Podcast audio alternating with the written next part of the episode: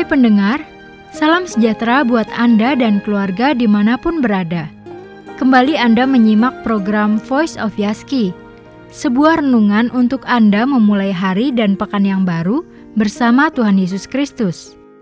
Kali ini renungan berjudul Tetap Setia bagian kedua. Selengkapnya mari kita simak bersama Pendeta Wilson Suwanto. Saudara yang terkasih, Ulangan 8 ayat 18 mengatakan, Tetapi haruslah engkau ingat kepada Tuhan Allahmu, sebab dialah yang memberikan kepadamu kekuatan untuk memperoleh kekayaan dengan maksud meneguhkan perjanjian yang diikrarkannya dengan sumpah kepada nenek moyangmu seperti sekarang ini. Kita telah belajar bagaimana dan apa artinya setia. Setia pada dasarnya berarti mengingat. Tuhan setia kepada kita, dia mengingat kita. Tuhan setia kepada kita, dia mengingat janjinya. Kita baru saja memperingati kematian Tuhan Yesus, kebangkitannya, dan firman Tuhan menyatakan bahwa Yesus mati sesuai dengan kitab suci. Dia dikuburkan sesuai dengan kitab suci. Dan dia bangkit pada hari yang ketiga juga sesuai dengan kitab suci. Artinya untuk untuk keselamatan kita, karya Yesus disalib, mati dan karya kebangkitannya itu adalah bukti bahwa Tuhan mengingat janjinya dan menepatinya pada waktunya. Pada waktu Tuhan yang sempurna itu semuanya ditepati. Keselamatan kita adalah bukti kesetiaan Tuhan kepada kita. Bukti kesetiaan Tuhan kepada janjinya. Sekalipun kita dalam dosa, sekalipun kita lupa Tuhan, sekalipun kita tidak peduli, Tuhan tetap ingat, Tuhan tetap peduli, Tuhan tetap mengasihi kita. Inilah arti dasar dari setia. Dan bagaimana kita bisa setia? Tentu saja dengan selalu mengingat Tuhan, khususnya ketika kita dalam kelancaran dan di dalam kesuksesan. Tetapi bukan hanya itu, bukan hanya itu, bagaimana kita bisa setia kepada Tuhan. Berikutnya, kita belajar setia kepada Tuhan. Kita bisa setia kepada Tuhan ketika kita tidak menjadi serupa dengan dunia ini. Dunia ini selalu menggoda, mencobai kita untuk tidak setia.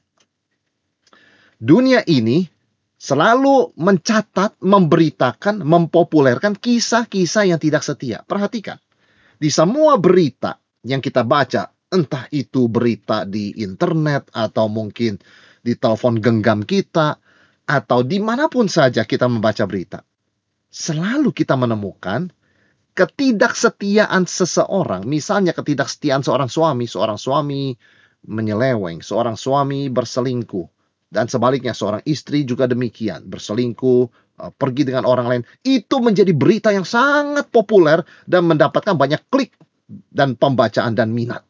Dunia ini merayakan, mempopulerkan, memberitakan kisah-kisah ketidaksetiaan. Sebaliknya, keluarga yang setia, suami yang setia, istri yang setia tidak menjadi berita tidak menjadi tidak mungkin populer, tidak mungkin disukai. Dunia menyukai ketidaksetiaan. Dunia memberitakan ketidaksetiaan. Dunia mempopulerkan ketidaksetiaan karena dunia pada dasarnya tidak setia. Dan dunia merayakan ketidaksetiaan sebagai kebebasan, freedom. Orang yang setia dianggap terbelenggu, tidak bebas. Orang yang tidak setia itu dianggap kreatif, bebas, berani menerobos batasan, dan sebagainya. Itu sebabnya kita tidak mau menjadi serupa dengan dunia ini.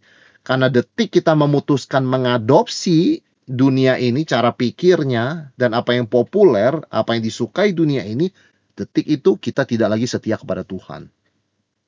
Bukan berarti kita menghindari dunia ini, itu tidak mungkin. Kita masih hidup di dalam dunia, kita menggunakan barang-barang di dunia ini, kita membeli barang-barang di dunia ini, teknologi yang canggih, yang update, kita juga mengikuti perkembangan teknologi dalam dunia ini, termasuk perkembangan ya obat-obatan, ilmu kedokteran, dan berbagai macam ilmu pengetahuan, tentu saja. Tetapi yang kita tidak mau ambil, yang kita tidak mau adopsi adalah cara pikirnya dunia ini. Dan itu yang firman Tuhan katakan. Janganlah kamu menjadi serupa dengan dunia ini. Melainkan berubahlah oleh pembaharuan akal budimu atau pikiranmu. Supaya kamu dapat membedakan mana yang berkenan kepada Allah. Saudara yang terkasih, dunia ini mengajarkan ketidaksetiaan dalam berbagai bentuk. Tentu dunia tidak mengatakan tidak setia, tapi dunia menggunakan istilah bebas, mungkin istilah terobosan, kreatif, yang pada akhirnya kemungkinan besar artinya adalah tidak setia kepada firman Tuhan, tidak setia kepada Tuhan. Misalnya di dalam dunia ini digembar-gemborkan bahwa semua jalan di dalam dunia membawa kita ke sorga. Jalan apa pun itu adalah baik. Dan jalan apa pun itu pasti membawa kita ke sorga. Kita tahu itu salah. Tapi itu yang populer. Yang tidak populer apa? Adalah apa yang Alkitab ajarkan. Yesus berkata, akulah jalan dan kebenaran dan hidup. Tidak ada seorang pun bisa datang kepada Bapa kalau tidak melalui aku.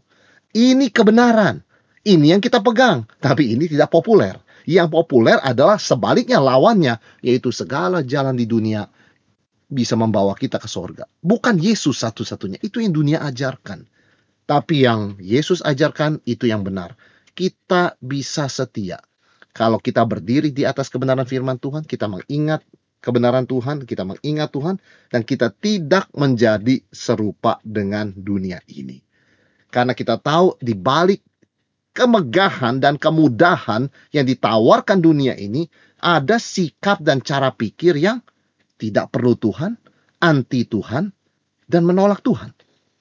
Yang diwakili misalnya oleh peristiwa Menara Babel di mana sekelompok orang itu berkata, "Mari kita membangun menara yang ujungnya sampai ke langit supaya kita tidak tercerai-berai." Sebetulnya itu tidak diperlukan, tetapi dilakukan untuk menunjukkan kebolehan manusia terhadap Tuhan dengan arah langit demikian. Saudara yang terkasih, dunia penuh dengan berbagai godaan yang menarik. Tetapi ingat, kita memutuskan sesuatu itu benar atau salah bukan karena kita merasa tertarik atau tidak. Bukan karena itu kedengaran enak di telinga kita atau tidak. Bukan karena kita melihat itu nampak baik atau tidak. Kita memutuskan sesuatu itu benar atau salah berdasarkan firman Tuhan. Sebab itu kita perlu berpijak di atas firman Tuhan supaya kita bisa tetap setia. Dan ini arti setia atau bagaimana kita bisa setia berikutnya yaitu istilah setia di dalam bahasa Ibrani itu juga bisa diterjemahkan benar atau kebenaran. Emet. Setia itu berhubungan dengan kebenaran. Artinya terhadap apa kita setia. Kita tahu orang-orang di dunia ini, misalnya orang-orang yang tidak mengenal Tuhan, mereka misalnya orang yang kecanduan. Kecanduan obat-obatan, kecanduan minuman keras, mereka setia tanda kutip kepada obat-obatan tersebut, mereka setia kepada kelompok pengguna obat-obatan tersebut, mereka setia kepada uh, minuman keras dan pengguna minum kelompok pengguna minuman keras. Tapi bukan itu kesetiaan yang dimaksud oleh firman Tuhan. Kesetiaan di sini adalah kesetiaan kepada kebenaran. Tuhan itu setia. Artinya, menurut bahasa aslinya, bahasa Ibrani, Tuhan itu benar. Ketika kita berdoa, kita mengatakan dan kita menutup dengan kata amin, itu artinya benar. Itu juga artinya setia. Kita percaya bahwa Tuhan mendengar doa kita, dia menepati janjinya karena dia setia. Itu dari bahasa Ibrani, yaitu artinya benar. Maka kesetiaan kita didasarkan pada kebenaran Tuhan, pada kebenaran firman Tuhan, bukan pada apa pun yang lain. Itu sebabnya janganlah menjadi serupa dengan dunia ini. Katakan no pada cara pikir, sikap hati, dan godaan dunia ini. Dan di dalam bahasa Yunani, di dalam perjanjian baru, kata setia, pistis dalam bahasa Yunaninya, juga bisa diterjemahkan iman. Jadi dalam bahasa Yunani, istilah setia dan iman itu satu kata yang sama. Faith dan faithful. Setia dan iman. dan tidak bisa dipisahkan. Artinya ketika seseorang setia, ketika seseorang percaya kepada Tuhan Yesus, dia bukan hanya percaya hari ini, lalu kemudian tidak lagi percaya besok. Tetapi dia terus percaya dari hari pertama sampai hari terakhir. Sebab itu iman sejati tidak bisa dipisahkan dari kesetiaan. Orang yang nampaknya hanya percaya hari ini, tapi besok tidak percaya, itu bukan percaya dan itu tidak setia. Kita tahu Yesus bercerita tentang mengajarkan tentang uh, perumpamaan penabur. Ada benih yaitu firman Tuhan yang jatuh di tanah yang berbatu-batu. Artinya ini menggambarkan orang yang menerima firman dengan sukacita hari itu tetapi tidak berakar. Tidak lama kemudian tidak lagi bersukacita, tidak lagi berbuah, benih itu mati. Ada juga benih yang tak jatuh di tanah yang bersemak duri, benih itu bertumbuh, tetapi sama-sama semak duri juga bertumbuh menghimpit benih itu sampai mati. Artinya orang ini sambil dia ingin bertumbuh dalam firman pada satu sisi nampaknya sisi lain dia tetap mengkhawatirkan hal-hal dunia ini cara pikir apa yang disukai dunia ini. Sehingga kekhawatiran akan keduniawian dan kekayaan menghimpit firman itu sehingga mati. Ketika kita bicara ketika Yesus mengajarkan soal iman dia berbicara bukan hanya hari ini percaya, tetapi senantiasa percaya. Sebab itu percaya pada Yesus dan setia sampai akhir tidak dapat dipisahkan. Ketika Tuhan memanggil kita setia, dia memanggil kita terus beriman kepada firman-Nya, kepada janjinya sampai akhir hidup kita. Maka kita akan menerima mahkota kehidupan. Dan orang percaya sejati, orang pilihan Tuhan, umat pilihan Tuhan, pasti setia sampai akhir. Imannya bukanlah iman musiman. Ketika keadaan lancar, dia beriman kepada Tuhan. Ketika penderitaan datang, dia membuang imannya. Sama sekali tidak. Orang percaya sejati, orang pilihan Tuhan yang sudah dipilih dari kekekalan, mereka akan tekun sampai akhir, mereka akan setia sampai akhir, mereka akan memegang iman sampai akhir. Seperti Paulus katakan, Aku telah mengakhiri pertandingan, aku telah mencapai garis akhir, dan aku telah memelihara iman itu kesetiaan. Tidak bisa tidak di dalam kehidupan mengikut Yesus. Orang percaya sejati akan percaya sampai akhir. Kalau ada orang yang nampaknya percaya, tetapi di tengah jalan dia keluar dan tidak pernah kembali lagi, maka dia tidak pernah percaya secara sejati sejak awalnya. Karena percaya yang sejati pasti setia. Dan kita kembali melihat setia adalah sifat Tuhan. Setia adalah karakter Tuhan. Sebab itu ketika Tuhan mengasihi kita dengan kasih yang kekal, kasih keselamatan, kasih yang membawa keselamatan itu, disebutkan Tuhan itu penuh dengan kasih setia. Kasihnya bukan hanya hari ini ketika dia merasa ingin mengasihi, tetapi kasihnya senantiasa konsisten. Sebab itu dikatakan Tuhan mengasihi kita dengan kasih yang kekal. Kesetiaan Tuhan tetap teguh bagi kita dan bukan hanya bagi kita, tapi bagi anak cucu, bagi keturunan kita. Bahkan jauh setelah kita meninggalkan dunia ini, Tuhan tetap mengingat anak cucu orang benar. Inilah kesetiaan Tuhan, tetap turun-temurun. Demikian pula kita mau mengajarkan kepada anak kita, kepada cucu kita, kepada generasi selanjutnya untuk tidak pernah melupakan Tuhan, untuk selalu mengingat Tuhan, untuk selalu setia kepada Dia. Karena Tuhan sendiri Ketika dia memberikan janji, dia menyatakan kasih setia bukan hanya kepada satu generasi anak-anaknya, tetapi kepada generasi-generasi setelahnya. Tuhan tidak melupakan, bahkan setelah manusia itu meninggalkan dunia ini. Janji Tuhan tetap ditepati. Inilah penghiburan kita, inilah kekuatan kita. Dalam keadaan sesulit apa pun, kesetiaan Tuhan itu menjadi pegangan kita. Dia ingat kita dia tidak lupa kita. Seperti Mazmur katakan, sebab dia ini, Tuhan itu ingat siapa kita. Kita hanyalah debu. Dan Tuhan memperlakukan kita dengan begitu rupa sensitif, dengan begitu rupa hati-hati, menjaga kita demikian rupa, karena dia itu ingat. Kita ini debu. Namun dia mengasihi kita, memberikan anaknya bagi kita, menepati janjinya kepada kita, membuat memenuhi segala kebutuhan kita, sehingga kita tidak pernah kekurangan satu apa pun di dalam Tuhan. Dan setiap saat kita boleh datang berdoa kepadanya dan Tuhan itu setia, dia tidak pernah menolak. Dia memurnikan doa kita, supaya sesuai dengan kehendaknya.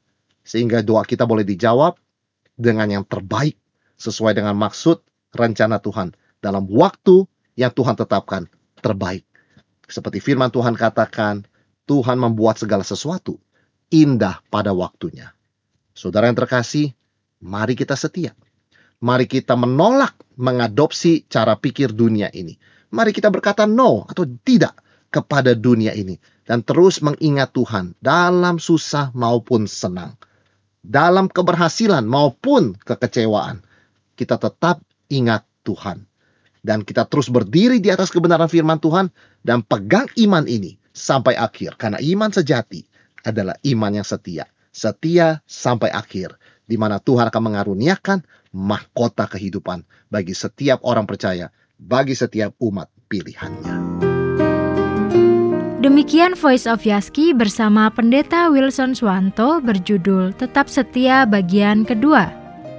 Anda dapat kembali menikmati atau bahkan membagikan renungan ini melalui akun Spotify Voice of Yaski atau kunjungi podcast.yaski.co.id. Bila Anda ada pertanyaan atau kesaksian seputar renungan kita kali ini, silakan kirimkan pesan Anda melalui WhatsApp di 0812 8784 7210. Selamat beraktivitas dan salam sehat selalu.